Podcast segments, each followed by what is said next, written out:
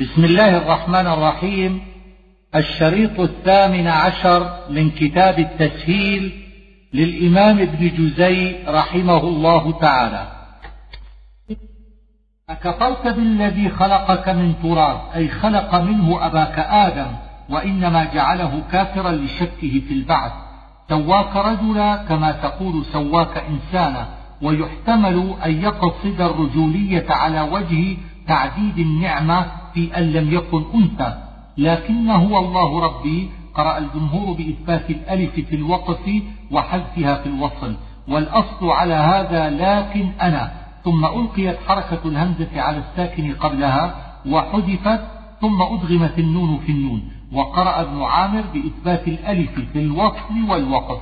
ويتوجه ذلك بأن تكون لحقتها نون الجماعة التي في خرجنا وضربنا ثم أدغمت النون في النون. ولولا إذ دخلت جنتك الآية وصية من المؤمن للكافر ولولا تحضير. فعسى ربي أن يؤتيني خيرا من جنتك. يحتمل أن يريد في الدنيا أو الآخرة.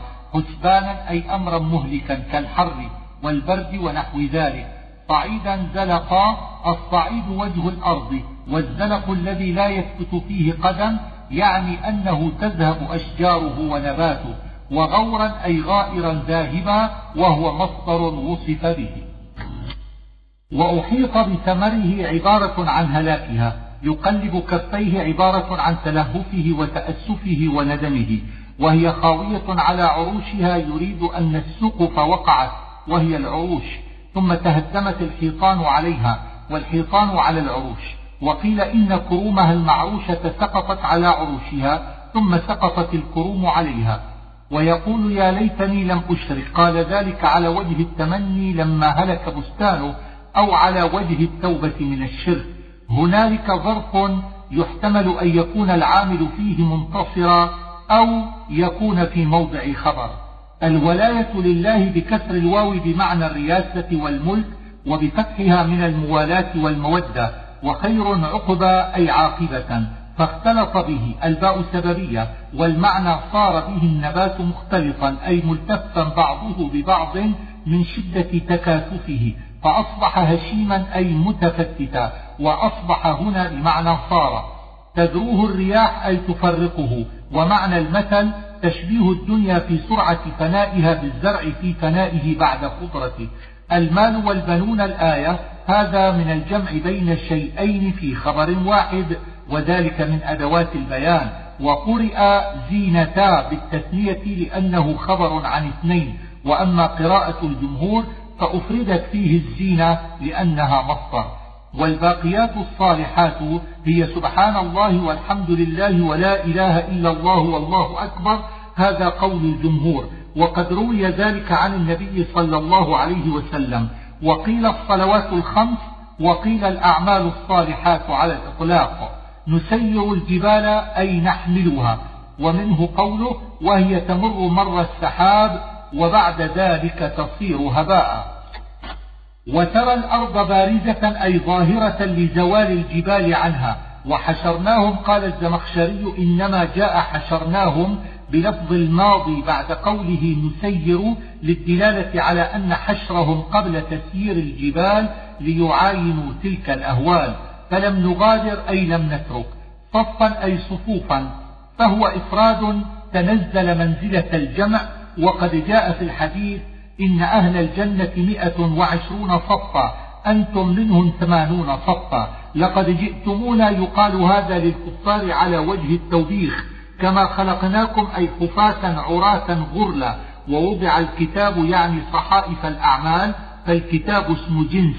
كان من الجن كلام مستأنف جرى مجرى التعليل لإباية إبليس عن السجود. وظاهر هذا الموضع يقتضي أن إبليس لم يكن من الملائكة وأن استثناءه منهم استثناء منقطع. فإن الجن صنف غير الملائكة وقد يجيب عن ذلك من قال إنه كان من الملائكة بأن كان هنا بمعنى صار أي خرج من صنف الملائكة إلى صنف الجن أو بأن الملائكة كان منهم قوم يقال لهم الجن وهم الذين خلقوا من نار. ففسق عن أمر ربه أي خرج عما أمر به والفسق في اللغة الخروج. أفتتخذونه وذريته أولياء؟ هذا توبيخ ووعظ. وذرية إبليس هم الشياطين واتخاذهم أولياء بطاعتهم في عصيان الله والكفر به.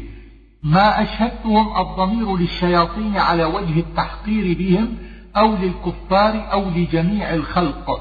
فيكون فيه رد على المنجمين وأهل الطبائع وسائر الطوائف المتخرصة.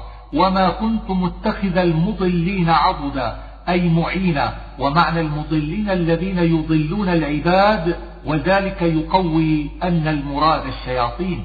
ويوم يقول نادوا شركائي يقول هذا للكفار على وجه التوبيخ لهم وأضاف تعالى الشركاء إلى نفسه على زعمهم.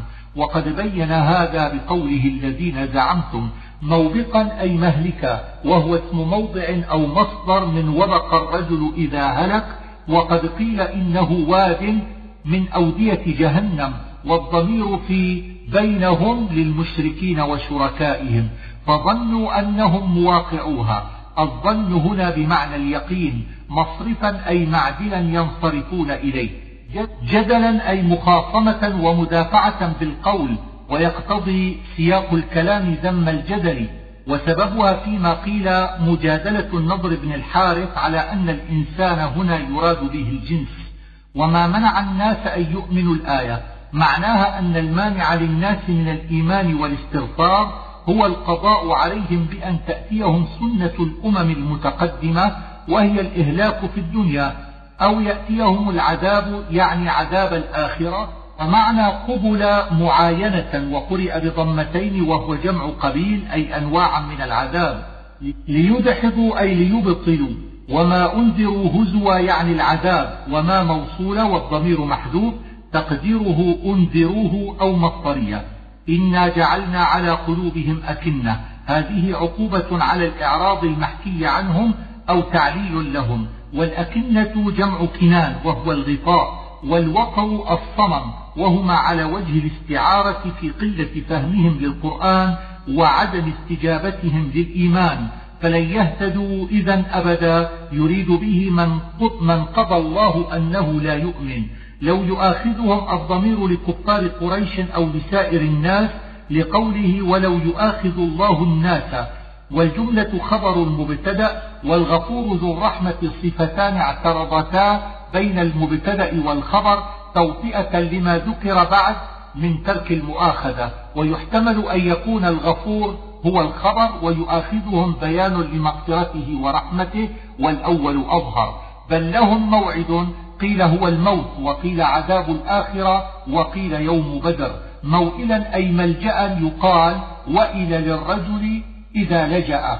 وتلك القرى يعني عادا وثمود وغيرهم من المتقدمين. والمراد هنا أهل القرى ولذلك قال أهلكناهم وفي ضمن هذا الإخبار تهديد لكفار قريش وجعلنا لمهلكهم موعدا أي وقتا معلوما والمهلك هنا والمهلك هنا بضم الميم وفتح اللام اسم مصدر من أهلك فالمصدر على هذا مضاف للمفعول لأن الفعل متعد.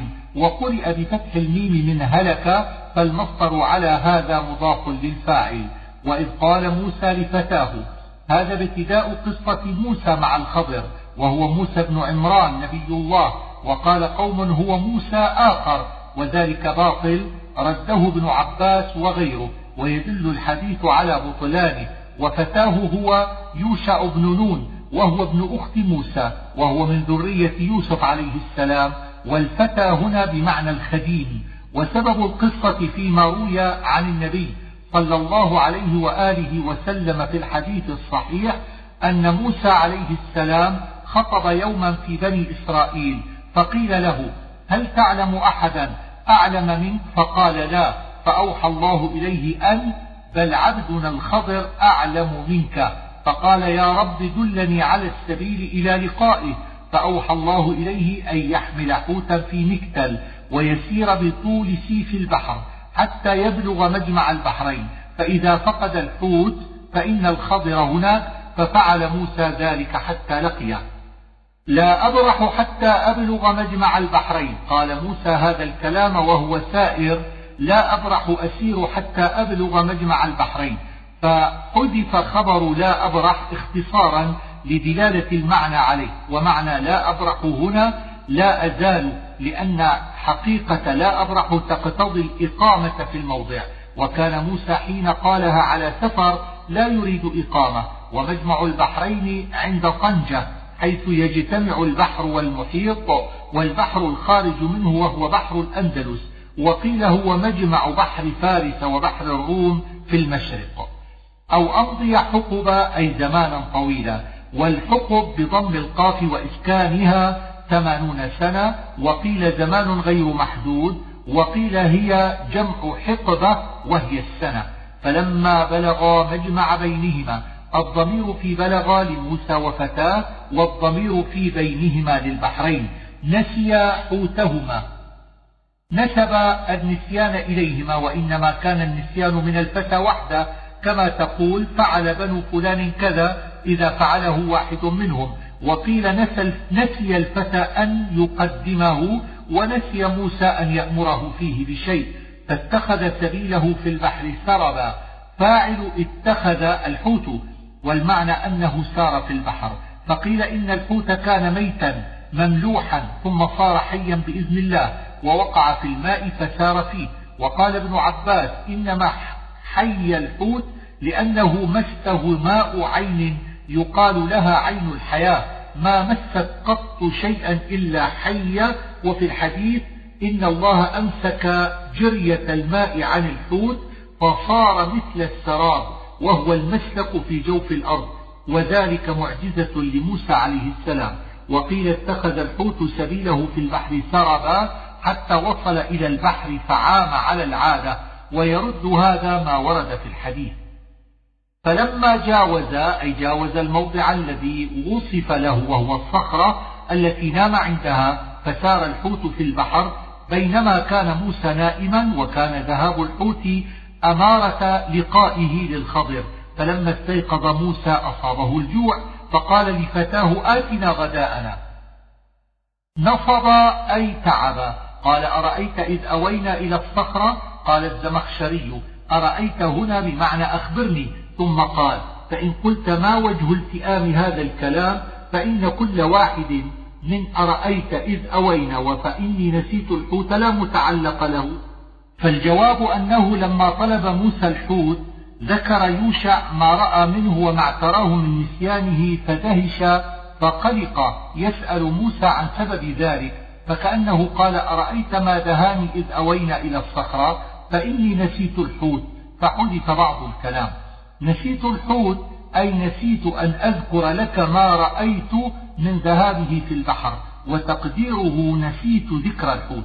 أن أذكره بدل من الهاء في أنسانه وهو بدل اشتمال. واتخذ سبيله في البحر عجبا. يحتمل أن يكون هذا من كلام يوشع أي اتخذ الحوت سبيله في البحر عجبا للناس أو اتخذ موسى سبيل الحوت عجبا أي تعجب هو منه وإعراب مفعول ثاني لاتخذ مثل سرب. وقيل إن الكلام تم عند قوله في البحر ثم ابتدأ التعجب فقال عجبا وذلك بعيد. قال ذلك ما كنا نبغ أي فقد الحوت هو ما كنا نطلب لأنه أمارة على وجدان الرجل فارتدا على آثارهما قصصا أي رجعا في طريقهما يقصان أثرهما الأول لئلا يخرجا عن الطريق. فوجدا عبدا من عبادنا هو الخضر. آتيناه رحمة يعني النبوة على قول من قال إن الخضر نبي وقيل إنه ليس بنبي ولكنه ولي. وتظهر نبوته من هذه القصة أنه فعل أشياء لا يعلمها إلا بوحي واختلف أيضا هل مات أو هو حي إلى الآن. ويذكر كثير من الصلحاء أنهم يرونه ويكلمهم. وعلمناه من لدنا علما في الحديث أن موسى وجد الخضر مسجا بثوبه فقال له السلام عليك. فرفع رأسه وقال وأنا بأرضك السلام. قال له من أنت؟ قال له من أنت؟ قال أنا موسى. قال موسى بني إسرائيل؟ قال نعم.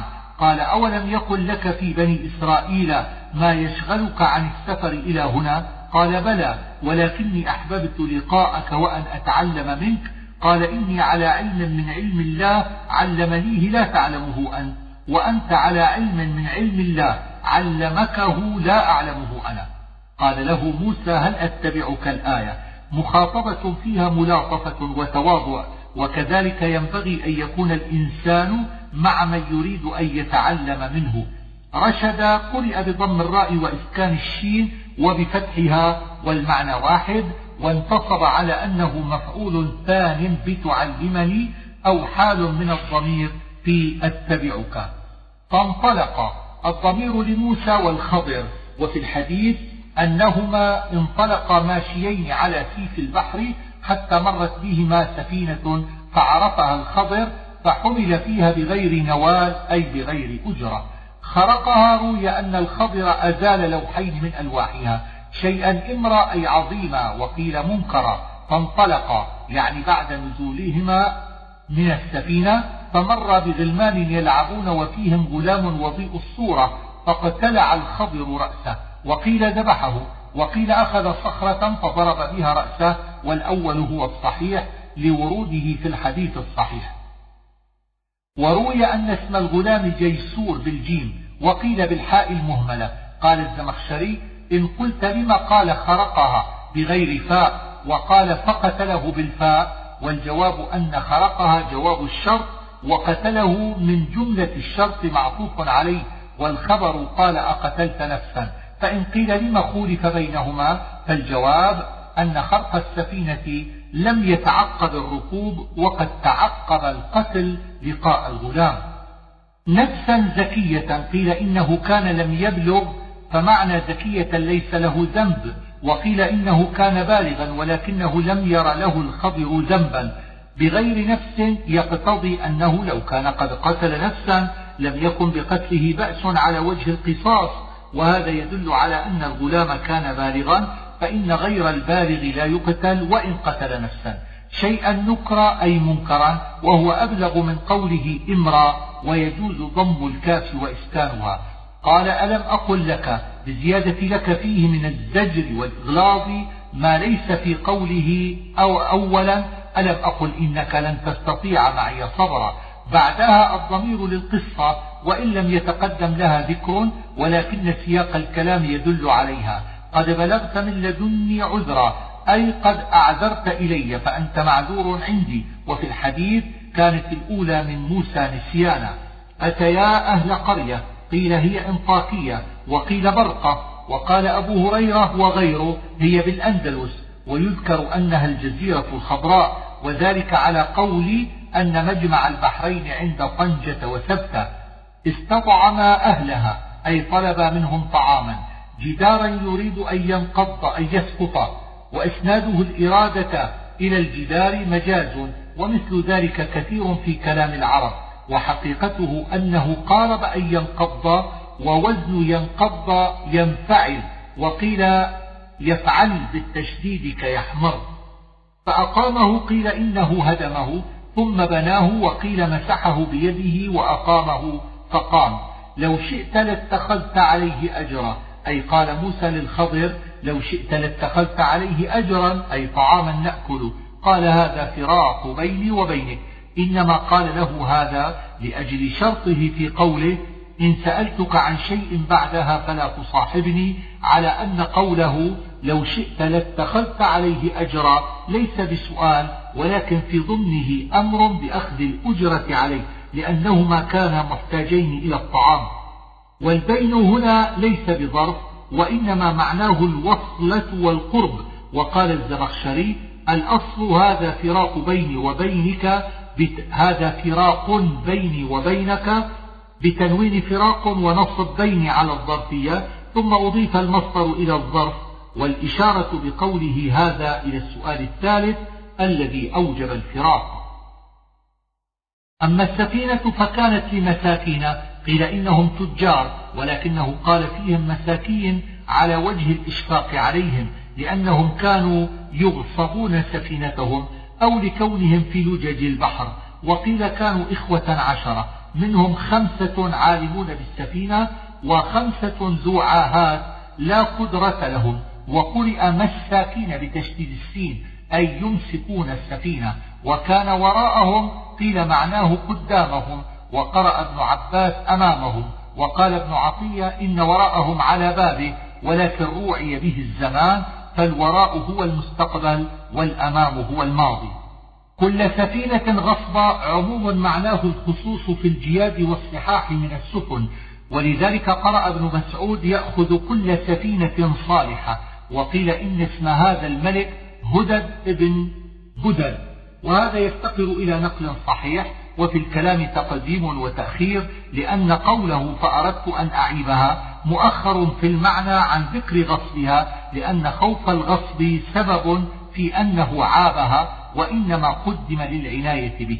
وأما الغلام روي أنه كان كافرا وروي أنه كان يفسد في الأرض. فخشينا أن يرهقهما.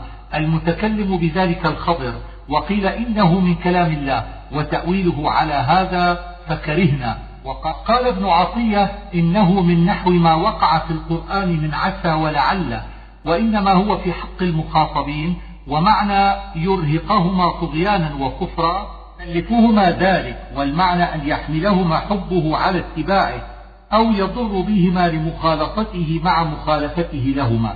خيرا منه أي غلاما آخر خيرا من الغلام المذكور المقتول زكاة أي طهارة وفضيلة في دينه وأقرب رحمة أي رحمة وشفقة. فقيل, فقيل المعنى أن يرحمهما وقيل يرحمانه. لغلامين يتيمين اليتيم من فقد أبويه قبل البلوغ وروي أن اسم الغلامين أصرم وصريم واسم أبيهما كاشح وهذا يحتاج إلى صحة نقل. كنز لهما قيل مال عظيم وقيل كان علما في صحف مدفونة والأول أظهر. وكان أبوهما صالحا قيل إنه الأب السابع وظاهر اللفظ أنه الأقرب. فأراد ربك أسند الإرادة هنا إلى الله لأنها في أمر مغيب مغيب مستأنف لا يعلم ما يكون منه إلا الله. وأسند الخضر إلى نفسه في قوله فأردت أن أعيبها لأنها لفظة عيب فتأدب بأن لا يسندها إلى الله وذلك كقول إبراهيم عليه السلام وإذا مرضت فهو يشفين فأسند المرض إلى نفسه والشفاء إلى الله تأدبا. واختلف في قوله فأردنا أن يبدلهما هل هو مسند إلى ضمير الخضر أو إلى الله؟ وما فعلته عن أمري هذا دليل على نبوة الخضر لأن المعنى أنه فعل بأمر الله أو بوحي. ويسألونك عن ذي القرنين السائلون اليهود أو قريش بإشارة اليهود. وذو القرنين هو الإسكندر الملك وهو يوناني وقيل رومي وكان رجلا صالحا وقيل كان نبيا. وقيل كان ملكا بفتح اللام والصحيح أنه ملك بكسر اللام. واختلف لما سمي ذا القرنين فقيل كان له ضفيرتان من شعر هما قرناه فسمي بذلك وقيل لأنه بلغ المشرق والمغرب وكأنه حاز قرني الدنيا. إنا مكنا له في الأرض. التمكين له أنه ملك الدنيا ودانت له الملوك كلهم. آتيناه من كل شيء سببا أي علما وفهما يتوصل به إلى معرفة الأشياء والسبب ما يتوصل به إلى المقصود من علم أو قدرة أو غير ذلك. فأتبع سببا أي طريقا يوصله. وجدها تغرب في عين حمئة قرئ بالهمز على وزن فعلة أي ذات حمأة وقرئ بالياء على وزن فاعلة وقد, وقد اختلف في ذلك معاوية وابن عباس. فقال ابن عباس حمئة وقال معاوية حامية. فبعث إلى كعب الأحبار ليخبرهما بالأمر. فقال أما العربية فأنتما أعلم بها مني ولكني أجد في التوراة أنها تغرب في ماء وطين فوافق ذلك قراءة ابن عباس ومعنى حامية حارة ويحتمل أن يكون بمعنى حمية ولكن ولكن سهلت همزته ويتفق معنى القراءتين. وقد قيل يمكن أن يكون فيها حمأة وتكون حارة بحرارة الشمس فتكون جامعة للموضعين ويجتمع معنى القراءتين. قلنا يا ذا القرنين استدل, استدل بهذا من قال إن ذا القرنين نبي لأن هذا القول وحي ويحتمل أن يكون بإلهام فلا يكون فيه دليل على نبوته. إما أن تعذب وإما أن تتخذ فيهم حسنا. كانوا كفارا فخيره الله بين أن يعذبهم بالقتل أو يدعوهم إلى الإسلام فيحسن إليهم. وقيل الحسن هنا هو الأسر وجعله حسنا بالنظر إلى القتل. قال أما من ظلم فسوف نعذبه. اختار أن يدعوهم إلى الإسلام. فمن تمادى على الكفر قتله. ومن أسلم أحسن إليه. والظلم هنا الكفر والعذاب القتل. وأراد بقوله عذاب النكرة عذاب, عذاب الآخرة. فله جزاء الحسنى. المراد بالحسنى الجنة أو الأعمال الصالحة. وسنقول له من أمرنا يسرا وعدهم بأن ييسر عليهم. وجدها تطلع على قوم لم نجعل لهم من دونها سترا هؤلاء القوم هم الزنج وهم أهل الهند ومن وراءهم. ومعنى لم نجعل الآية أنهم ليس لهم بنيان إذ لا تحمل أرضهم البناء وإنما يدخلون من حر الشمس في أسرار تحت الأرض. وقال ابن عطية الظاهر أنها عبارة عن قرب الشمس منهم وقيل الستر اللباس. فكانوا على هذا لا يلبسون الثياب. كذلك أي أمر أمر ذي القرنين كذلك. أي كما وصفناه تعظيما لأمره وقيل إن كذلك راجع لما قبله. أي لم نجعل لهم سترا كما جعلنا لكم من المباني والثياب. وقيل المعنى وجد عندها قوما كذلك. أي مثل القوم الذين وجدوا عند مغرب الشمس و وفعل معهم مثل فعله. بين السدين أي الجبلين وهما جبلان في طرف الأرض وقرئ بالفتح والضم وهما بمعنى واحد.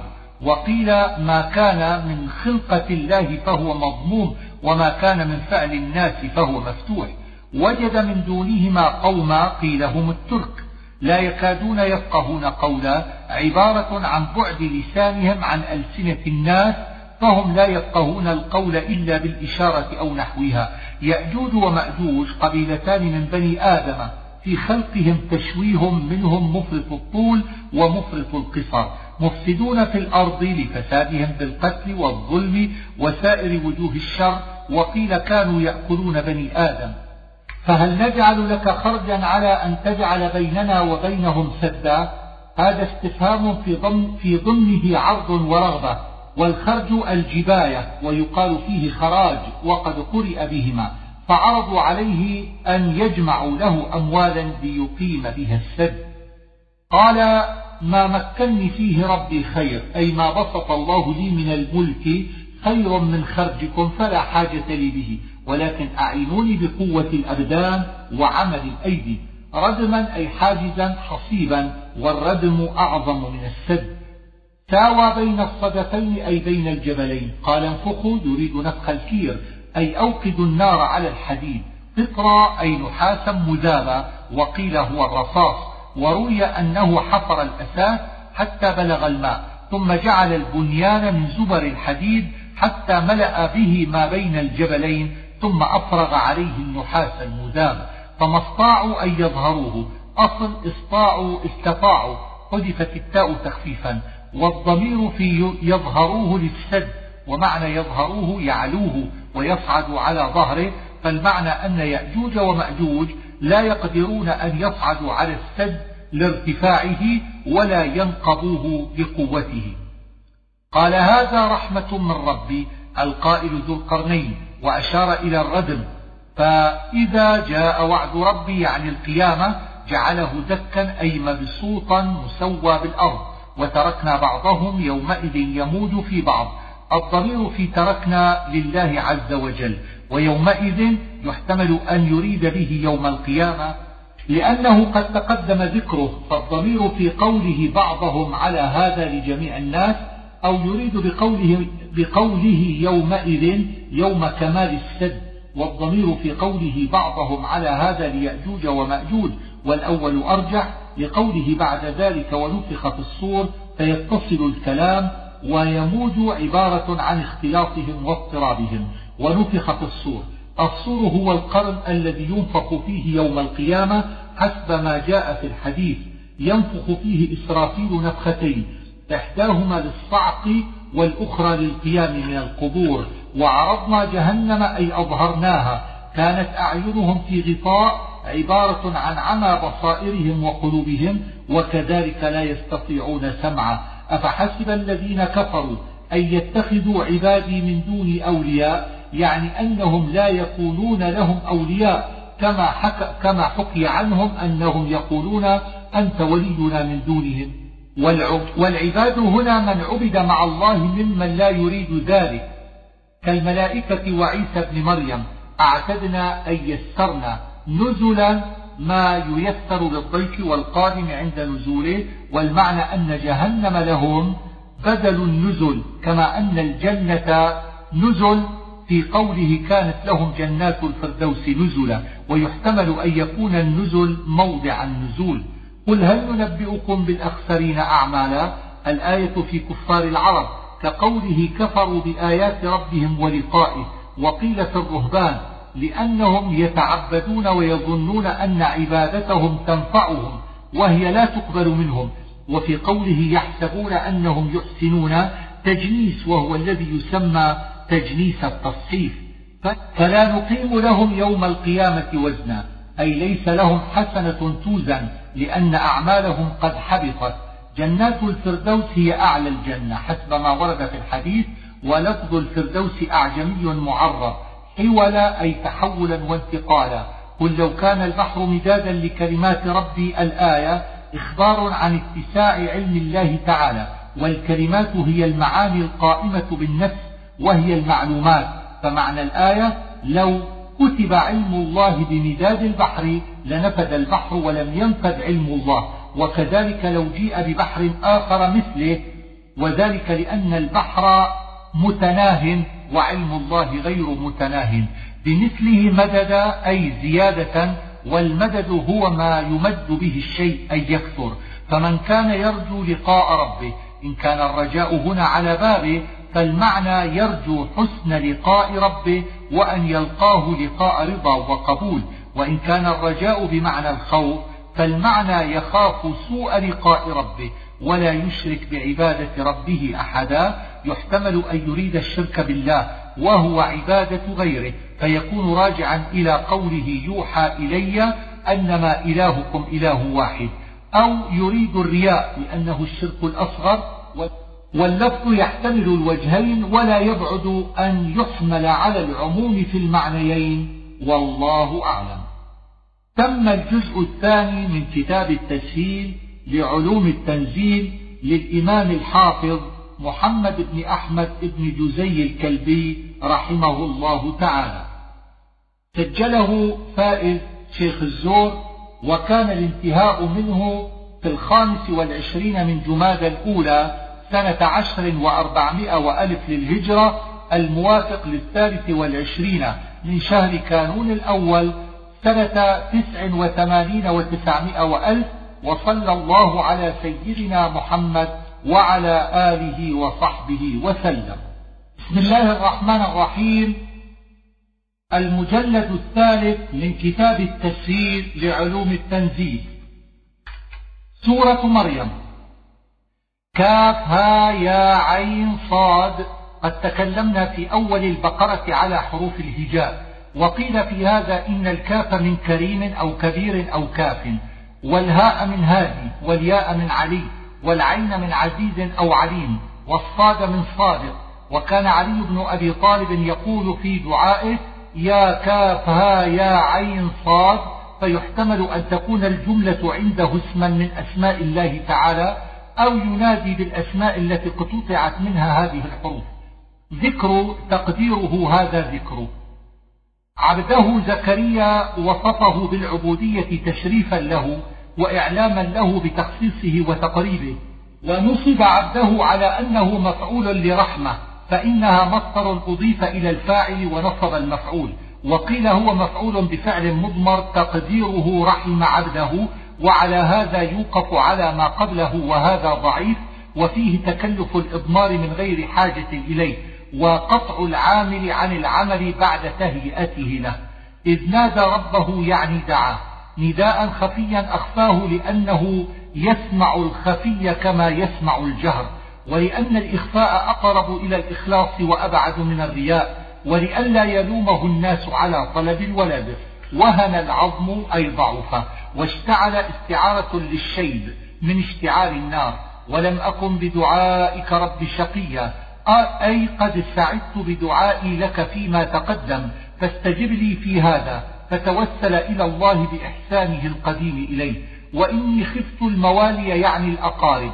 قيل خاف أن يرثوه دون نسله وقيل خاف أن يضيعوا الدين من بعده. من ورائي أي من بعدي. عاقرا أي عقيما. فهب لي من لدنك وليا يعني وارثا يرثني. قيل يعني وراثة المال وقيل وراثة العلم والنبوة وهو أرجح لقوله صلى الله تعالى عليه وآله وسلم نحن معاشر الأنبياء لا نورث وكذلك ويرث من آل يعقوب يعني العلم والنبوة وقيل الملك ويعقوب هنا هو يعقوب بن إسحاق على الأصح. رضيا أي مرضيا فهو فعيل بمعنى مفعول سميا يعني من سمي باسمه وقيل مثيلا ونظيرا والأول أحسن هنا. أن يكون لي غلام تعجب واستبعاد أن يكون له ولد مع شيخوخته وعقم امرأته فسأل ذلك أولا لعلمه بقدرة الله عليه وتعجب منه لأنه نادر في العادة.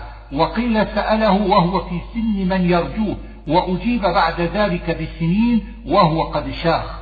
عتيا قيل يبسا في الأعضاء والمفاصل وقيل مبالغة في الكبر. كذلك الكاف في موضع رفع أي الأمر كذلك.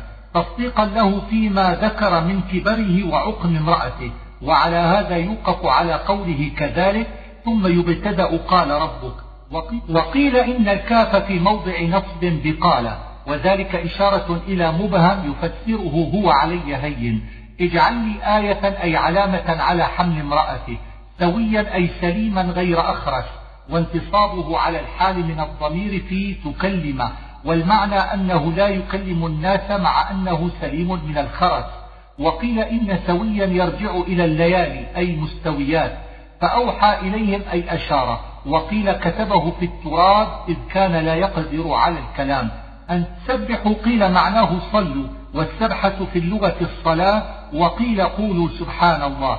يا يحيى التقدير قال الله ليحيى بعد ولادته. خذ الكتاب يعني التوراة بقوة أي في العلم به والعمل به وآتيناه الحكم صبيا قيل الحكم معرفة الأحكام وقيل الحكمة وقيل النبوة. وحنانا قيل معناه رحمة. وقال ابن عباس لا أدري ما الحنان. وزكاة أي طهارة وقيل ثناء كما يزكى الشاهد. واذكر في الكتاب مريم خطاب لمحمد صلى الله عليه وآله وسلم والكتاب القرآن. إذ انتبذت من أهلها أي اعتزلت منهم وانفردت عنهم مكانا شرقيا أي إلى جهة الشرق ولذلك يصلي النصارى إلى المشرق. أرسلنا إليها روحنا يعني جبريل وقيل عيسى والأول هو الصحيح لأن جبريل هو الذي تمثل لها باتفاق. قالت إني أعوذ بالرحمن منك إن كنت تقيا. لما رأت الملك الذي تمثل لها في صورة البشر قد دخل عليها خافت أن يكون من بني آدم فقالت له هذا الكلام ومعناه إن كنت ممن يتقي الله فابعد عني فإني أعوذ بالله منك. وقيل إن تقيا اسم رجل معروف بالشر عندهم وهذا ضعيف وبعيد. لأهب لك غلاما زكيا. الغلام الزكي هو عيسى عليه السلام وقرئ ليهب بالياء. والفاعل فيه هو ضمير الرب سبحانه وتعالى. وقرئ بهمزة التكلم وهو جبريل وإنما نسب الهبة إلى نفسه لأنه هو الذي أرسله الله بها أو يكون قال ذلك حكاية عن الله تعالى. ولم أك بغيا البغي هي المرأة المجاهرة بالزنا ووزن بغي فعول. ولنجعله آية الضمير للولد واللام تتعلق بمحذوف تقديره لنجعله آية فعلنا ذلك. فحملته يعني في بطنها وكانت مدة حملها ثمانية أشهر. وقال ابن عباس حملته وولدته في ساعة مكانا قصيا أي بعيدا وإنما بعدت حياء من قومها أن يظن بها الشر فأجاءها معناه ألجأها وهو منقول من جاء بهمزة التعدية. المخاض أي النفاس. إلى جذع النخلة روي أنها احتضنت الجذع لشدة وجع النفاس. قالت يا ليتني مت. إنها إنما تمنت الموت خوفا من إنكار قومها وظنهم بها الشر ووقوعهم في دمها وتمني الموت جائز في مثل هذا. وليس هذا من تمني الموت لضر نزل بالبدن فإنه منهي عنه. وكنت نسيا النسي الشيء الحقير الذي لا يؤبه له ويقال بفتح النون وكسرها. فناداها من تحتها قرئ من بفتح الميم وكسرها وقد اختلف على كلتا القراءتين هل هو جبريل أو عيسى؟ وعلى أنه جبريل قيل إنه كان تحتها كالقابلة وقيل كان في مكان أسفل من مكانها. ألا تحزني تفسير للنداء فأن مفسرة. سريا جدولا وهي ساقية من ماء كان قريبا من جذع النخلة وروي أن النبي صلى الله عليه وآله وسلم فسره بذلك وقيل يعني عيسى فإن السري الرجل الكريم. وهزي إليك بجذع النخلة كان جذعا يابسا فخلق الله فيه الرطب كرامة لها وتأنيسا. وقد استدل بعض الناس بهذه الآية على أن الإنسان ينبغي له أن يتسبب في طلب الرزق لأن الله أمر مريم بهز النخلة.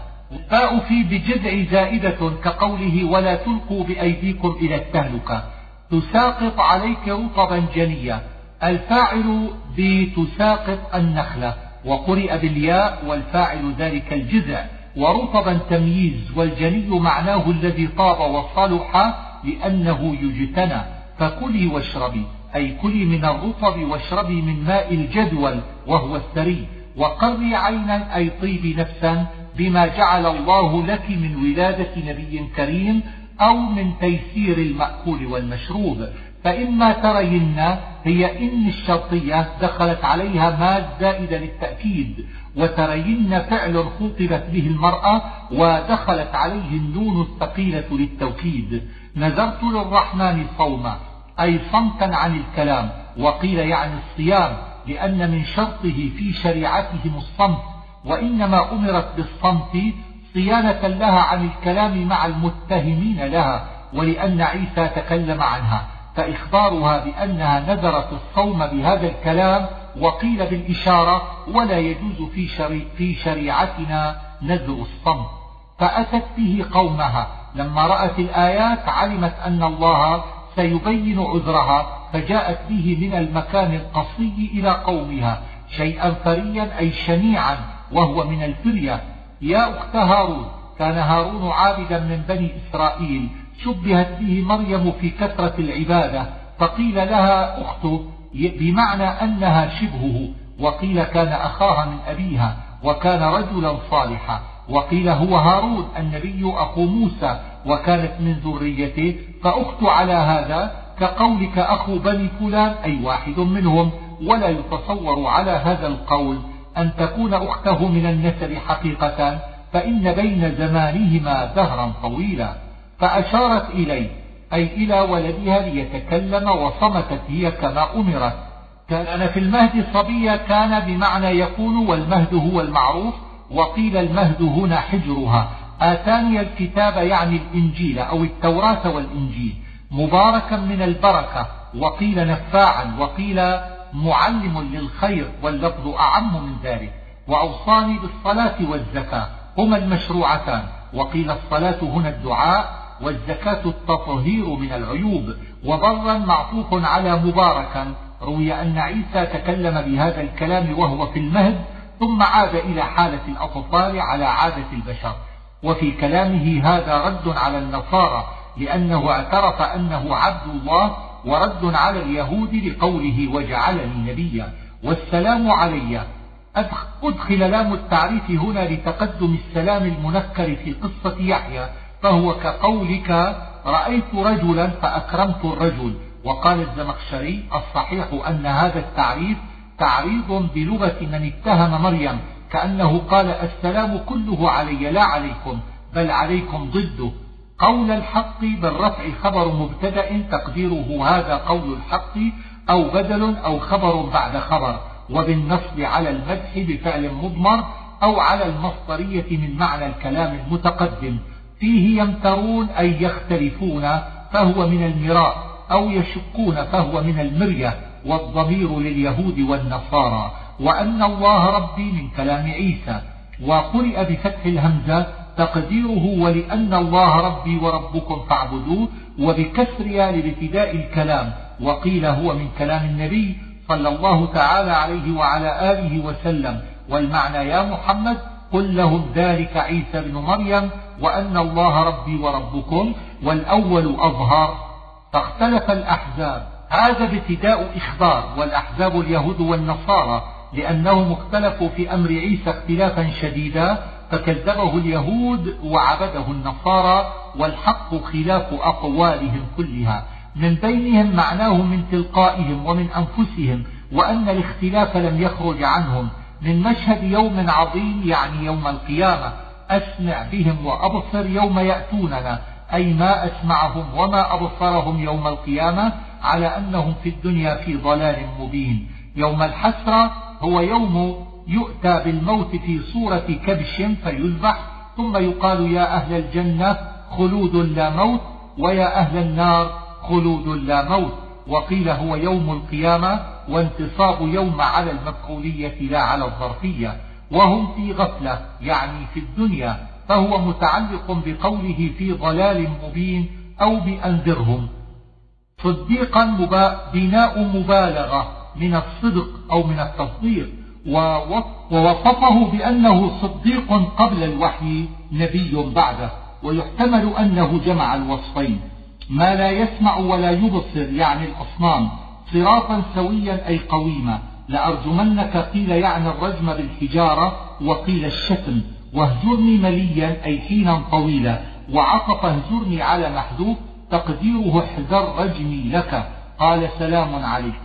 وداء مفارقة وقيل مسالمة لا تحية لأن ابتداء الكافر بالسلام لا يجوز.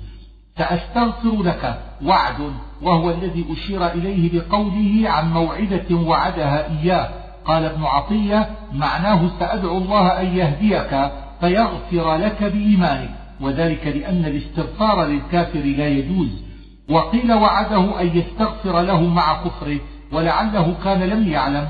أن الله لا يغفر للكفار حتى أعلمه بذلك. ويقوي هذا القول قوله واغفر لأبي إنه كان من الضالين. ومثل هذا قول النبي صلى الله عليه وسلم لأبي طالب لأستغفرن لك ما لم أنه عنك. حفيا أي بارا متلطفا. وأعتزلكم وما تدعون أي ما تعبدون. إسحاق ويعقوب هما ابنه وابن ابنه وهبهما الله له عوضا من أبيه وقومه الذين اعتزلهم. من رحمتنا النبوة وقيل المال والولد واللفظ أعم من ذلك. لسان صدق يعني الثناء يعني الثناء الباقي عليهم إلى آخر الدهر. مخلصا بكسر اللام أي أخلص نفسه وأعماله لله وبفتحها أي أخلصه الله للنبوة والتقريب. وكان رسول النبي النبي أعم من الرسول لأن النبي كل من أوحى الله إليه ولا يكون رسولا حتى يرسله الله إلى الناس مع النبوة.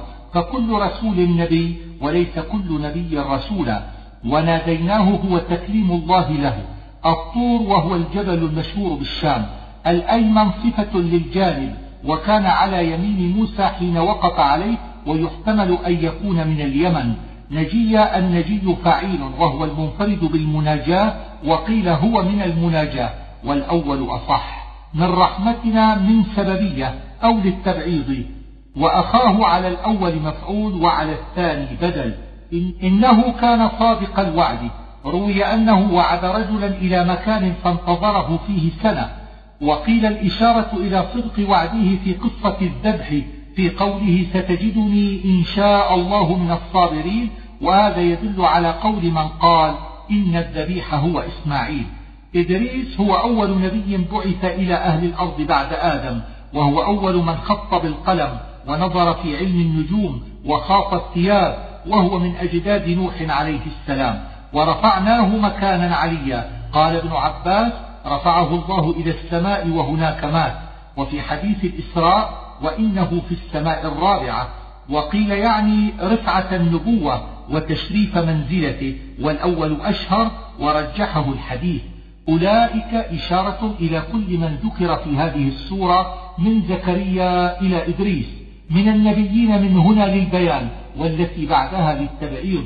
من ذرية آدم يعني نوحا وإدريس وممن حملنا يعني إبراهيم ومن ذرية إبراهيم يعني إسماعيل وإسحاق ويعقوب وإسرائيل يعني أن من ذريته موسى وهارون ومريم وعيسى وزكريا ويحيى. وممن هدينا؟ يحتمل العطف على من الأولى أو الثانية. بقيا جمع باك ووزنه فعول فخلف من بعدهم خلف يقال في عقب الخير خلف بفتح اللام وفي عقب الشر خلف بالسكون وهو المعنى هنا.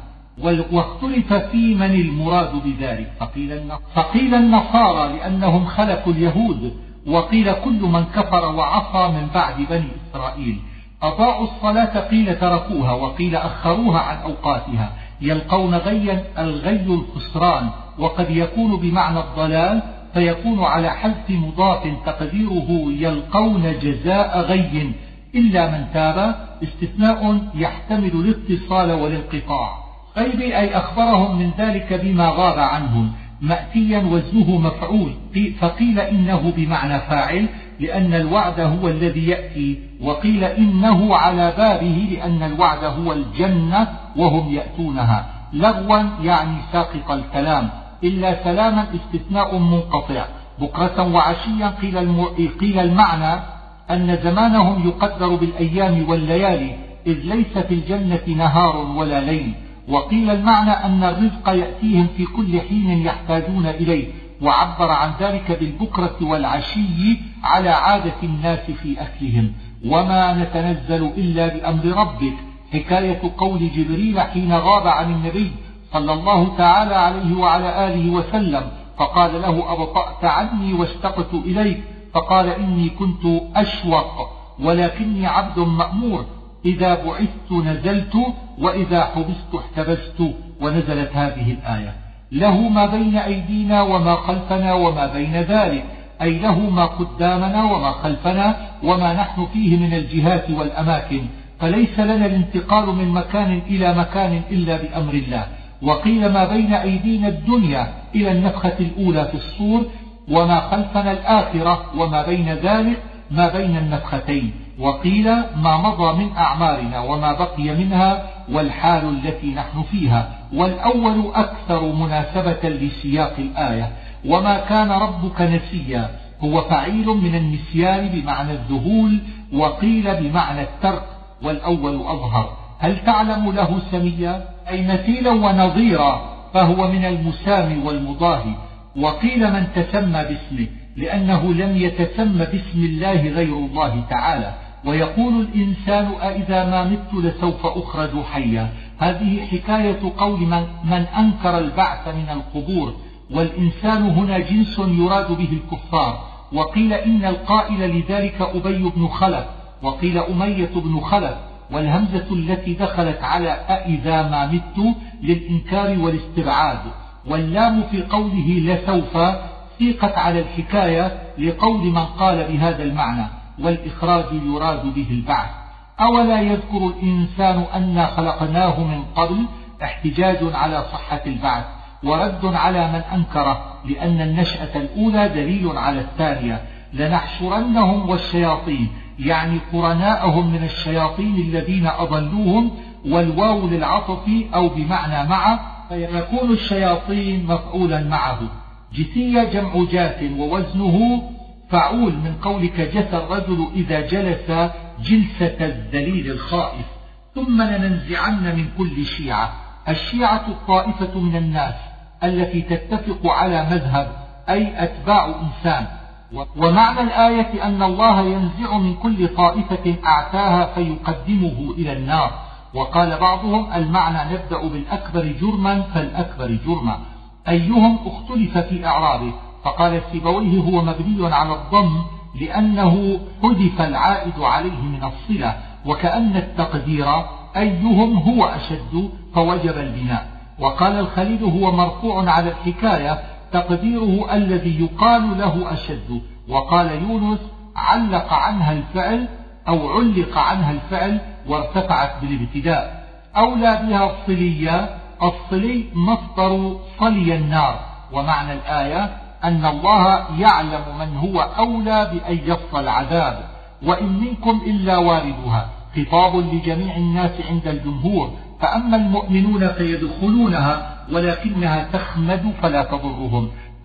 فالورود على هذا بمعنى الدخول كقوله حصب جهنم أنتم لها واردون وأوردهم النار. وقيل الورود بمعنى القدوم عليها كقوله ورد ماء مدين والمراد بذلك جواز الصراط وقيل الخطاب للكفار فلا إشكال. حتما أي أمرا لا بد منه. ثم ننجي الذين اتقوا إن كان الورود بمعنى الدخول فنجاة الذين اتقوا بكون النار عليهم بردا وسلاما ثم بالخروج منها وإن كان بمعنى المرور على الصراط فنجاتهم بالجواز والسلامة من الوقوع فيها. أي الفريقين خير مقاما وأحسن نديا؟ الفريقان هم المؤمنون والكفار. والمقام اسم مكان من قام وقرئ بالضم من أقام. والندي المجلس ومعنى الآية أن الكفار قالوا للمؤمنين نحن خير منكم مقاما أي أحسن حالا في الدنيا وأجمل مجلسا فنحن أكرم على الله منكم. وكم أهلكنا قبلهم من قرن كم مفعول بأهلكنا. ومعنى الآية رد على الكفار في قولهم المذكور أي ليس حسن الحال في الدنيا دليلا على الكرامة عند الله لأن الله قد أهلك من كان أحسن حالا منكم في الدنيا. هم أحسن؟ قال الزمخشري هذه الجملة في موضع نصب صفة لكم. أساسا أي متاع البيت وقال ابن عطية هو اسم عام في المال العين والعروض والحيوان وهو اسم جمع وقيل هو جمع واحدة أثاثا ورئيا بهمزة ساكنة قبل الياء معناه منظر حسن وهو من الرؤية والرئي اسم المرئي وقرئ بتشديد الياء من غير همز وهو تخفيف من الهمز فالمعنى متفق. وقيل هو وقيل هو من ري الشارب أي التنعم بالمشارب والمآكل. وقرأ ابن عباس زي الزاد فليمدد له الرحمن مدا أي يمهله ويملي له. واختلف هل هذا الفعل دعاء أو خبر سيق بلفظ الأمر تأكيدا؟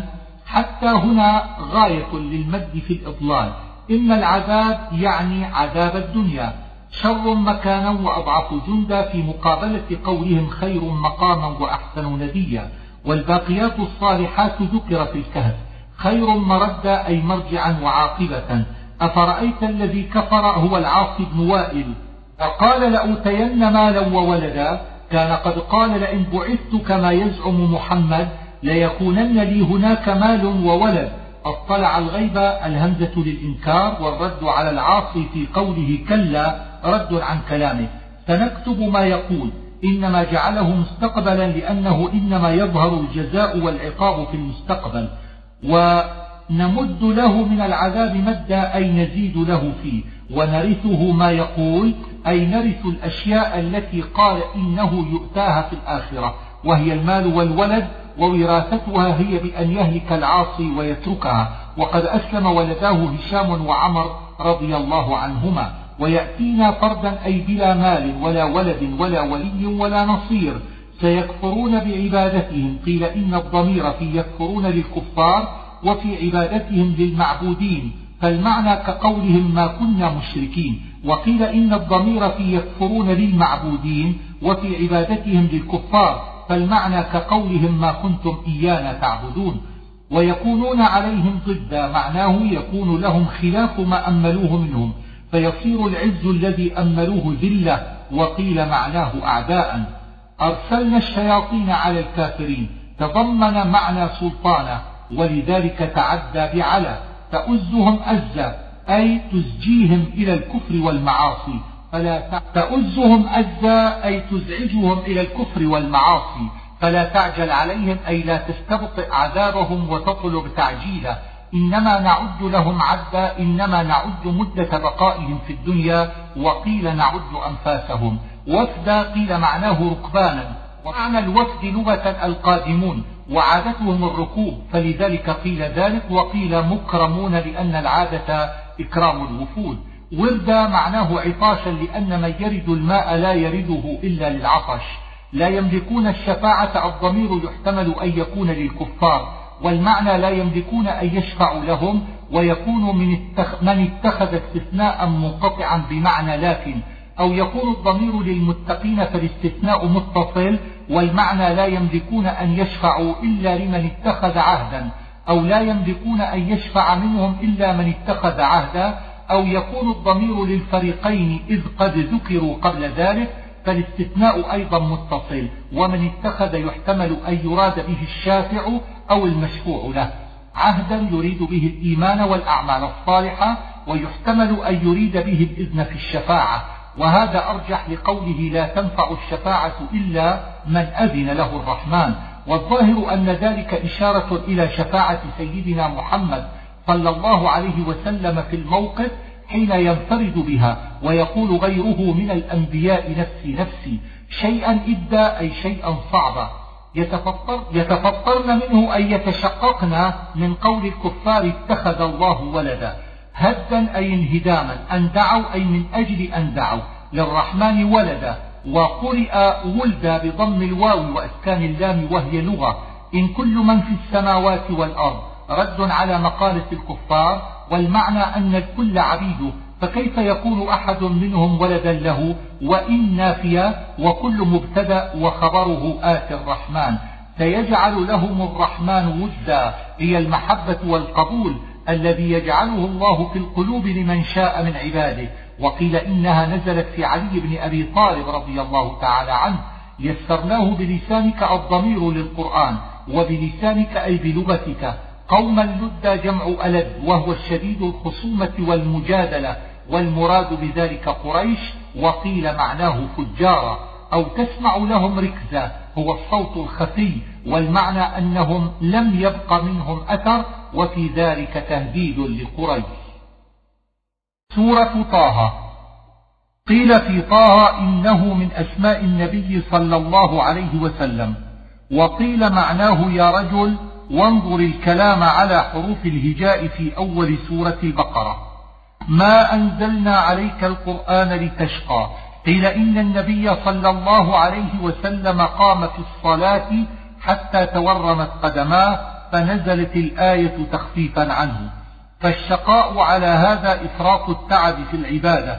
وقيل المراد به التأسف على كفر الكفار واللفظ عام في ذلك كله.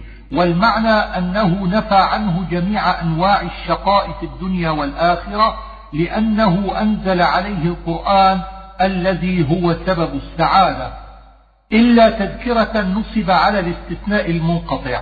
وأجاز ابن عطية أن يكون بدلا من موضع لتشقى إذ هو في موضع مفعول من أجله ومنع ذلك الزمخشري لاختلاف الجنسين.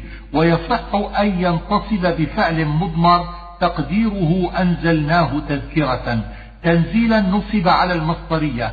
والعامل فيه مضمر أو ما أنزلنا وبدأ السورة بلفظ المتكلم في قوله ما أنزلنا ثم رجع إلى الغيبة في قوله تنزيلا ممن خلق الأرض الآية وذلك هو الالتفات والسماوات العلى جمع عليا على العرش استوى تكلمنا عليه في الأعراف الثرى هو في اللغة التراب الندي والمراد به هنا الأرض. وإن تجهر مطابقة هذا الشرط لجوابه كأنه يقول إن جهرت أو أخفيت فإنه يعلم ذلك لأنه يعلم السر وأخفى. يعلم السر وأخفى السر الكلام الخفي والأخفى ما في النفس وقيل السر ما في نفوس البشر والأخفى من فرض الله بعلمه. الأسماء الحسنى تكلمنا عليها في الأعراف وهل أتاك لفظ استفهام؟ والمراد به التنبيه إذ رأى العامل في إذ حديث لأن فيه معنى الفعل وكان من قصة موسى أنه رحل بأهله من مدين يريد مصر فسار بالليل واحتاج إلى نار فقدح بزناده فلم ينقدح فرأى نارا فقصد إليها فناداه الله وأرسله إلى فرعون. آنست نارا أي رأيت؟ بقبس هو الجذوة من النار تكون على رأس العود والقصبة ونحوها أو, أو أجد على النار هدى يعني هدى إلى الطريق من دليل أو غيره. فاخلع نعليك قيل إنما أمر بخلع نعليه لأنهما كانتا من جلد حمار ميت فأمر بخلع النجاسة واختار ابن عطية أن يكون أمر بخلعهما ليتأدب ويعظم البقعة المباركة ويتواضع في مقام مناجاة الله وهذا أحسن. الوادي المقدس أي المطهر. طوى في معناه قولان. أحدهما أنه اسم للوادي وإعرابه على هذا بدل ويجوز تنوينه على أنه مكان وترك صرفه على أنه بقعة. والثاني أن معناه مرتين فإعرابه على هذا مصدر أي قدس الوادي مرة بعد مرة. أو نودي موسى مرة بعد مرة وأقم الصلاة لذكري. قيل المعنى لتذكرني فيها وقيل لأذكرك بها. فالمصدر على الأول مضاف للمفعول وعلى الثاني مضاف للفاعل. وقيل معنى لذكري عند ذكري كقوله أقم الصلاة لدلوك الشمس أي عند دلوك الشمس وهذا أرجح لأن النبي صلى الله عليه وآله وسلم استدل بالآية على وجوب الصلاة على الناس إذا ذكرها. أكاد أخفيها اضطرب الناس في معناه فقيل أخفيها بمعنى أظهرها وأخفيت هذه من الأضداد. وكان وقال ابن عطية هذا قول مختل وذلك أن المعروف في اللغة أن يقال أخفى بالألف من الإخفاء وخفي بغير ألف بمعنى أظهر. فلو كان بمعنى الظهور لقال أخفيها بفتح همزة المضارع وقد قرئ بذلك في الشاذ. وقال الزمخشري وقد جاء في بعض اللغات أخفى بمعنى خفي أي أظهر ولا يك فلا يكون هذا القول مختلا على هذه اللغة. وقيل أكاد بمعنى أريد فالمعنى أريد إخفاءها. وقيل إن المعنى إن الساعة آتية أكاد وتم هنا الكلام بمعنى أكاد أنفذها لقربها ثم استأنف الإخبار فقال أخفيها. وقيل المعنى أكاد أخفيها عن نفسي فكيف عنكم؟ وهذه الأطوال ضعيفة وإنما الصحيح أن المعنى أن الله أبهم وقت الساعة فلم يطلع عليه أحد حتى أنه كاد أن يخفى وقوعها لإبهام وقتها ولكنه لم يخفها إذ أخبر بوقوعها فالأخفى على معناه المعروف في اللغة وكاد على معناها من مقاربة الشيء دون وقوعه وهذا المعنى هو اختيار المحققين. لتجزى يتعلق بآتية بما تسعى أي بما تعمل فلا يصدنك عنها الضمير للساعة أي لا يصدنك عن الإيمان بها والاستعداد لها وقيل الضمير للصلاة وهو بعيد. والخطاب لموسى عليه السلام وقيل لمحمد صلى الله عليه وسلم وذلك بعيد فتردى معناه تهلك والردى هو الهلاك وهذا الفعل منصوب في جواب لا يصدنك.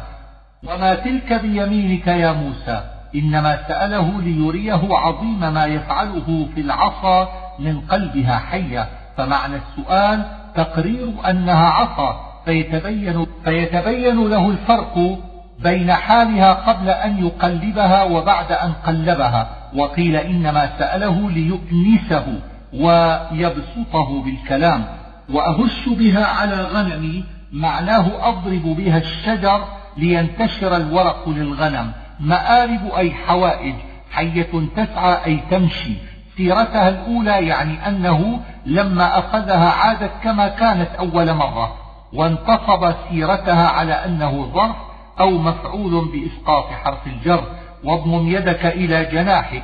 الجناح هنا الجنب أي تحت الإبط وهو استعارة من جناح الطائر. تخرج بيضاء. روي أن يده خرجت وهي بيضاء كالشمس من غير سوء يريد من غير برص ولا عاهة. لنريك من آياتنا الكبرى. يحتمل أن تكون الكبرى مفعولة لنريك وأن تكون صفة للآيات ويختلف المعنى على ذلك. اشرح لي صدري. إن قيل لما قال اشرح لي ويسر لي مع أن المعنى يصح دون قوله لي فالجواب أن ذلك تأكيد وتحقيق للرغبة. واحلل عقدة من لساني. العقدة هي التي اعترته بالجمرة حين جعلها في فيه وهو صغير حين أراد فرعون أن يجربه وإنما قال عقدة في التنكير لأنه طلب حل بعضها ليفقه قوله ولم يطلب الفصاحة الكاملة وزيرا أي معينا وإعراب هارون بدل أو مفعول أول أزري أي ظهري والمراد القوة ومنه فآزره أي قواه قال قد أوتيت سؤلك أي قد أعطيناك كل ما طلبت من الأشياء المذكورة. إذ أوحينا إلى أمك يحتمل أن يكون وحي كلام بواسطة ملك أو وحي إلهام كقوله وأوحى ربك إلى النحل. ما يوحى إبهام يراد به تعظيم الأمر. أن اقذفيه في التابوت فاقذفيه في اليم. الضمير الأول لموسى واليم البحر. والمراد به هنا النيل. وكان فرعون قد ذكر له أن هلاكه وقراب ملكه على يد غلام من بني إسرائيل فأمر بذبح كل ولد ذكر يولد لهم فأوحى الله إلى أم موسى أن تلقيه في التابوت وتلقي التابوت في البحر ففعلت ذلك وكان فرعون في موضع يشرف على النيل فرأى التابوت فأمر به فسيق إليه وامرأته معه ففتحه فأشفقت عليه امرأته وطلبت أن تتخذه ولدا فأباح لها ذلك. يأخذه عدو لي وعدو له هو فرعون. محبة مني أي أحببتك؟ وقيل أراد محبة الناس فيه إذ كان لا يراه أحد إلا أحبه. وقيل أراد محبة امرأة فرعون ورحمتها له وقوله مني يحتمل أن يتعلق بقوله ألقيت أو يكون صفة لمحبة فيتعلق بمحذوف. ولتصنع على عيني أي تربى ويحسن إليك بمرأ مني وحفظ والعامل فيه لتصنع محذوف. إذ تمشي أختك العامل في إذ تصنع أو ألقيت أو فعل مضمر تقديره ومننا عليك. فتقول هل أدلكم على من يكفله؟ كان لا يقبل ثدي امرأة فطلبوا له مرضعة فقالت أخته ذلك ليرد إلى أمه. وقتلت نفسا يعني القبطي الذي وكزه فقضى عليه. فنجيناك من الغم يعني الخوف من أن يطلب بثأر المقتول. وفتناك فتونا أي اختبرناك اختبارا حتى ظهر منك أنك تصلح للنبوة والرسالة. وقيل خلصناك من محنة بعد محنة لأنه خلصه من الذبح ثم من البحر ثم من القصاص بالقتل. والفتون يحتمل أن يكون مصدرا أو جمع فتنة. فلبثت سنين يعني الأعوام العشرة التي استأجره فيها شعيب. جئت على قدر أي بميقات محدود قدره الله لنبوتك واصطنعتك لنفسي. عبارة عن الكرامة والتقريب أي استخلصتك وجعلتك موضع صنيعتي وإحساني. ولا تنيا أي لا تضعف ولا تقصر. والونى هو الضعف عن الأمور والتقصير فيها. أن يفرط أي يعمل بالشر.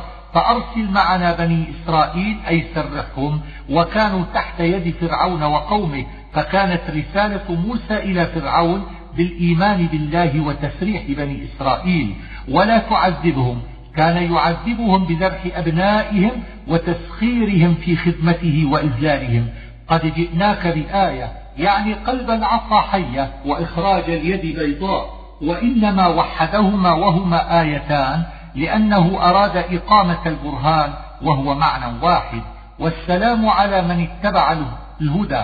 يحتمل أن يريد التحية أو السلامة. قال فمن ربكما يا موسى؟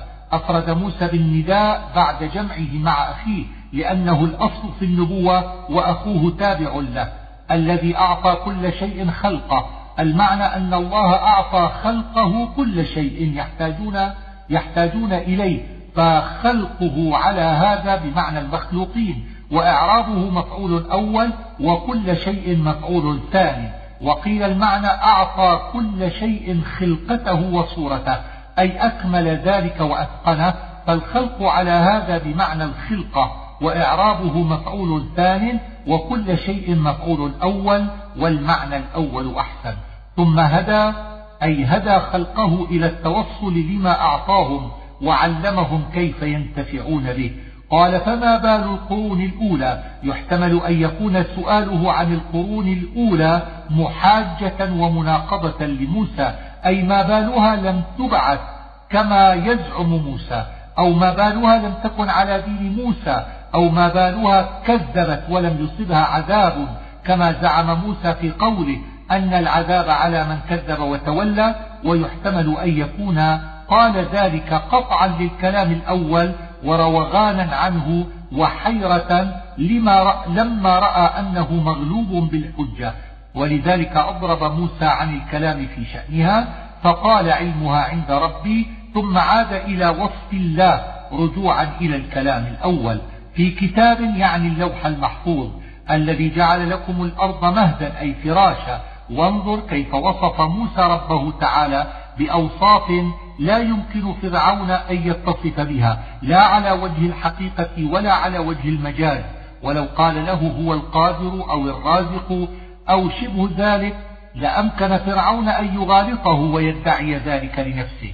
وسلك لكم فيها سبلا أي نهج لكم فيها طرقا تمشون فيها. فأخرجنا يحتمل أن يكون من كلام موسى على تقدير يقول الله عز وجل فأخرجنا ويحتمل أن يكون كلام موسى تم عند قوله وأنزل من السماء ماء ثم ابتدأ كلام الله. فأخرجنا به أزواجا من نبات شتى أي أصنافا مختلفة. كلوا وارعوا أنعامكم. المعنى أنها تصلح لأن تؤكل وترعاها الأنعام. وعبر عن ذلك بصيغة الأمر لأنه أذن في ذلك فكأنه أمر به. لأولي النهى أي العقول واحدها نهية. منها خلقناكم الضمير للأرض يريد خلقة آدم من تراب وفيها نعيدكم يعني بالدفن عند الموت ومنها نخرجكم يعني عند البعث. أريناه آياتنا يعني الآيات التي رآها فرعون وهي تسع آيات. وليس يريد جميع آيات الله على العموم فالإضافة في قوله آياتنا تجري مجرى التعريف بالعهد أي آياتنا التي أعطيناها موسى كلها وإنما أضافها الله إلى نفسه تشريفا. فاجعل بيننا وبينك موعدا. يحتمل أن يكون الموعد اسم مصدر أو اسم زمان أو اسم مكان ويدل على أنه اسم مكان قوله مكانا سوى.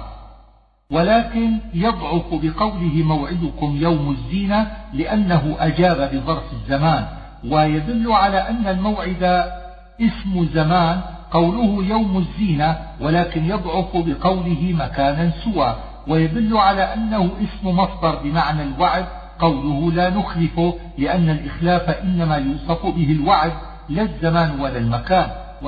ولكن يضعف ذلك بقوله مكانا وبقوله يوم الزينة فلا بد على كل وجه من تأويل أو إضمار ويختلف إعراب قوله مكانا باختلاف تلك الوجوه. فأما إن كان الموعد اسم مكان فيكون قوله موعدا ومكانا مفعولين لقوله اجعل. ويطابقه قوله يوم الزينة من طريق المعنى لا من طريق اللفظ. وذلك أن الاجتماع في المكان يقتضي الزمان ضرورة. وإن كان الموعد اسم زمان فينتصب قوله مكانا على أنه ظرف زمان والتقدير موعدا كائنا في مكان وإن كان الموعد اسم مصدر فينتصب مكانا على أنه مفعول بالمصدر وهو الموعد أو بفعل من معناه ويطابقه قوله يوم الزينة على حذف مضاف تقديره موعدكم وعد يوم الزينة وقرأ الحسن يوم الزينة بالنصب وذلك يطابق أن يكون الموعد اسم مصدر من غير تقدير محذوف. مكانا سوى معناه مستوي في القرب منا ومنكم وقيل معناه مستوي الأرض ليس فيه انخفاض ولا ارتفاع وقرئ بكسر السين وضمها والمعنى متفق. يوم الزينة يوم عيد لهم وقيل يوم عاشوراء وأن يحشر عطف على الزينة فهو في موضع خفض أو على اليوم فهو في موضع رفع وقصد موسى أن يكون موعدهم عند اجتماع الناس على رؤوس الأشهاد لتظهر معجزته ويستبين الحق للناس. فيسحتكم معناه يهلككم. يقال سحت وأسحت وقد قرئ بفتح الياء وضمها والمعنى متفق. قالوا إن هذان لساحران. قرئ إن هذين بالياء ولا إشكال في ذلك. وقرئ بتخفيف إن وهي مخففة من الثقيلة وارتفع بعدها هذان بالابتداء. وأما قراءة نافع وغيره بتشديد إن ورفع هذان فقيل إن هنا بمعنى نعم فلا تنصب. ومنه ما روي في الحديث إن الحمد لله بالرفع. وقيل, وقيل اسم إن ضمير الأمر والشأن. تقديره إن الأمر وهذان لساحران مبتدأ وخبر في موضع خبر إن. وقيل جاء القرآن في هذه الآية بلغة بني الحارث بن كعب وقيل إبقاء التثنية بالألف حال النصب والخفض. وقالت عائشة رضي الله عنها هذا مما لحن فيه كتاب المصحف ويذهب بطريقتكم المثلى أي يذهب بسيرتكم الحسنة فأجمعوا كيدكم أي اعزموا وأنفذوا. يخيل إليه من سحرهم أنها تسعى. استدل بعضهم بهذه الآية على أن السحر تخييل لا حقيقة وقال بعضهم إن حيلة السحرة في سعي الحبال والعصي هي أنهم حشوها بالزئبق وأوقدوا تحتها نارا وغطوا النار لئلا يراها الناس ثم وضعوا عليها حبالهم وعصيهم وقيل جعلوها للشمس فلما أحس الزئبق بحر النار أو الشمس سال وهو في حشو الحبال والعصي فحملها. فتخيل للناس أنها تمشي فألقى موسى عصاه فصارت ثعبانا فابتلعتها. إنما صنعوا كيد ساحر. ما هنا موصولة وهي اسم إن وكيد خبرها. آمنا برب هارون وموسى.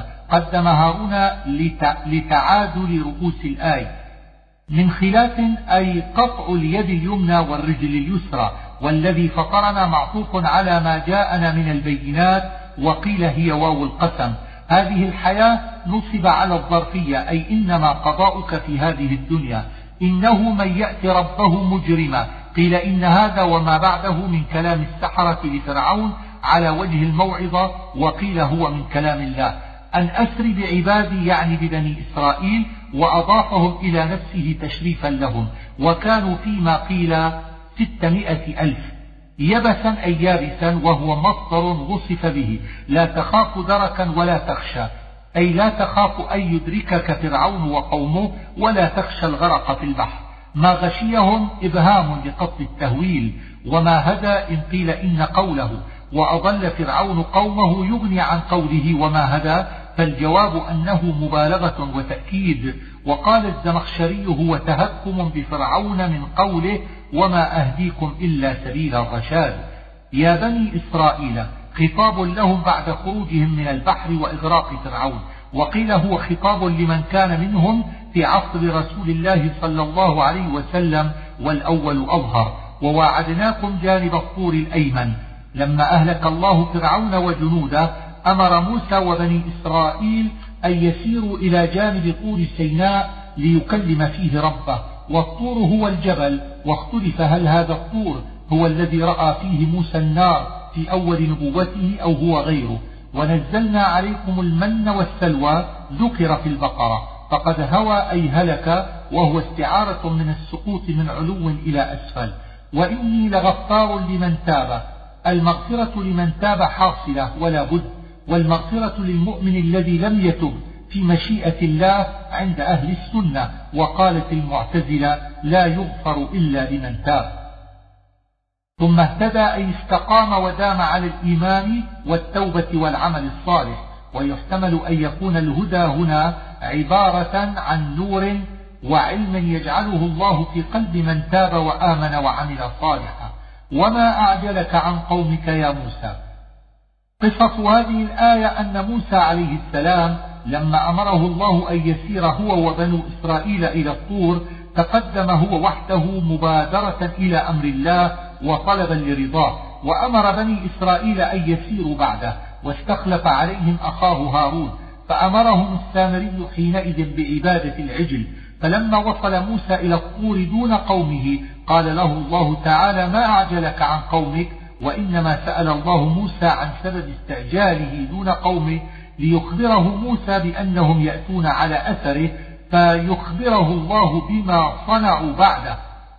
من عبادة العجل وقيل سأله على وجه الإنكار لتقدمه وحده دون قومه فاعتذر موسى بعذرين أحدهما أن قومه على أثره أي قريب منه فلم يتقدم عليهم بكثير فيوجب العتاب والثاني أنه إنما تقدم طلبا لرضا الله. وأضلهم السامري. كان السامري رجلا من بني إسرائيل يقال إنه ابن خال موسى وقيل لم يكن منهم وهو منسوب إلى قرية بمصر يقال لها سامرة وكان ساحرا منافقا. فرجع موسى إلى قومه يعني رجع من الطور بعد إكمال الأربعين يوما التي كلمه الله فيها. أسفا ذكر في الأعراف. ألم يعدكم ربكم وعدا حسنا؟ يعني ما وعدهم من الوصول إلى الطور. أفطال عليكم العهد؟ يعني المدة. وهذا الكلام توبيخ لهم. بملكنا قرئ بالفتح والضم والكسر. ومعناه ما أخلفنا موعدك بأن ملكنا أمرنا. ولكن غلبنا بكيد السامري. فيحتمل أنهم اعتذروا بقلة قدرتهم وطاقتهم. ويناسب هذا المعنى القراءة بضم الميم. واعتذروا بقلة ملكهم لأنفسهم في النظر وعدم توفيقهم للرأي السديد ويناسب هذا المعنى القراءة بالفتح والكسر. طمنا أوزارا من زينة القوم. الأوزار هنا الأحمال. سميت أوزارا لثقلها أو لأنهم اكتسبوا بسببها الأوزار أي الذنوب. وزينة القوم هي حلي القبط قوم فرعون. كان بنو إسرائيل قد استعاروه منهم قبل هلاكهم وقيل أخذوه بعد هلاكهم فقال لهم السامري اجمعوا هذا الحلي في حفرة حتى يحكم الله فيه. ففعلوا ذلك وأوقد السامري نارا على الحلي وصاغ منه عجلا وقيل بل خلق الله منه العجل من غير أن يصنعه السامري. ولذلك قال لموسى قد فتنا قومك من بعده فقذفناها أي قذفنا أحمال الحلي في الحفرة فكذلك ألقى السامري. كان السامري قد رأى جبريل عليه السلام فأخذ من وطئ فرسه قبضة من تراب وألقى الله في نفسه أنه إذا جعلها على شيء مواتا صار حيوانا فألقاها على العجل فخار العجل أي صاح صياح العجول فالمعنى أنهم قالوا كما ألقينا الحلي في الحفرة ألقى السامري قبضة التراب. جسدا أي جسما بلا روح والخوار صوت البقر فقالوا هذا إلهكم أي قال ذلك بنو إسرائيل بعضهم لبعض فنسي يحتمل وجهين أحدهما أن يكون من كلام بني إسرائيل والفاعل موسى أي نسي موسى إلهه هنا وذهب يطلبه في الطور والنسيان على هذا بمعنى الذهول والوجه الثاني أن يكون من كلام الله تعالى والفاعل على هذا السامري أي نسي دينه وطريق الحق والنسيان على هذا المعنى الترك. أفلا يرون أن لا يرجع إليهم قولا؟ معناه لا يرد عليهم كلاما إذا كلموه وذلك رد عليهم في دعوى الربوبية له. وقرئ يرجع بالرفع وأن مخففة من الثقيلة وبالنصب وهي مصدرية. قال يا هارون ما منعك إذ رأيتهم ضلوا ألا تتبعني؟ لا زائدة للتأكيد. والمعنى ما منعك أن تتبعني في المشي إلى الطور؟ أو, أو تتبعني في الغضب لله وشدة الزجر لمن عبد العجل وقتالهم بمن لم يعبده. قال يا ابن أم ذكر في الأعراف لا تأخذ بلحيتي ولا برأسي. كان موسى قد أخذ بشعر هارون ولحيته من شدة غضبه لما وجد بني إسرائيل قد عبدوا العجل. إني خشيت أن تقول فرقت بين بني إسرائيل. أي لو قاتلت من عبد العجل منهم بمن لم يعبده لقلت فرقت جماعتهم وأدخلت العداوة بينهم. وهذا على أن يكون معنى قوله تتبعني في الزجر والقتال. ولو اتبعتك في المشي إلى الطور لاتبعني بعضهم دون بعض فتفرقت جماعتهم. وهذا على أن يكون معنى تتبعني في المشي إلى الطور. ولم ترقب قولي يعني قوله له أخلفني في قومي وأصلح. قال فما خطبك يا سامري؟ أي قال موسى ما شأنك؟ ولفظ الخطب يقتضي الانتهار لأنه يستعمل في المكاره. قال بصرت بما لم يبصروا به أي رأيت ما لم يروه يعني جبريل عليه السلام وفرسه. فقبضت قبضة من أثر الرسول أي قبضت قبضة من تراب من أثر فرس الرسول وهو جبريل. وقرأ ابن مسعود من أثر فرس الرسول وإنما سمي جبريل بالرسول لأن الله أرسله إلى موسى والقبضة مصدر قبضة وإطلاقها على المفعول من تسمية المفعول بالمصدر كضرب الأمير ويقال قبض بالضاد المعجمة إذا أخذ بأصابعه وكفه وبالصاد المهملة إذا أخذ بأطراف الأصابع وقد قرئ كذلك في الشام فنبذتها أي ألقيتها على الحلي فصار عجلا أو على العجل فصار له خوار. فإن لك في الحياة أن تقول لا مساس. عاقب موسى عليه السلام السامري بأن منع الناس من مخالطته ومجالسته ومؤاكلته ومكالمته وجعل له مع ذلك أن يقول طول حياته لا مساس. أي لا مماسة ولا إذاية وروي أنه كان إذا مسه أحد أصابت الحمى له وللذي مسه فصار هو يبعد عن الناس وصار الناس يبعدون عنه. وإن لك موعدا يعني العذاب في الآخرة وهذا تهديد ووعيد. ظلت أصله ظللت حذفت إحدى اللامين والأصل في معنى ظل أقام بالنهار ثم استعمل في الدأب على الشيء ليلا ونهارا. لنحرقنه من الإحراق بالنار. وقرئ بفتح النون وضم الراء بمعنى نبرده بالمبرد وقد حمل بعضهم قراءة الجماعة على أنها من هذا المعنى لأن الذهب لا يفنى بالإحراق بالنار والصحيح أن المقصود بإحراقه بالنار إذابته وإفساد صورته فيصح حمل قراءة الجماعة على ذلك ثم لننسفنه في اليم نسفا أي نلقيه في البحر والنسف تفريق الغبار ونحوه. إنما إلهكم الله. الآية من كلام موسى لبني إسرائيل. كذلك نقص عليك مخاطبة من الله تعالى لسيدنا محمد صلى الله تعالى عليه وآله وسلم وأنباء ما قد سبق أخبار المتقدمين. ذكرا يعني القرآن. من أعرض عنه يعني إعراض تكذيب به. وزر الوزر في اللغة الثقل. ويعني, ويعني هنا العذاب. لقوله خالدين فيه أو الذنوب لأنها سبب العذاب وساء لهم يوم القيامة حملا شبه الوزر بالحمل لثقله.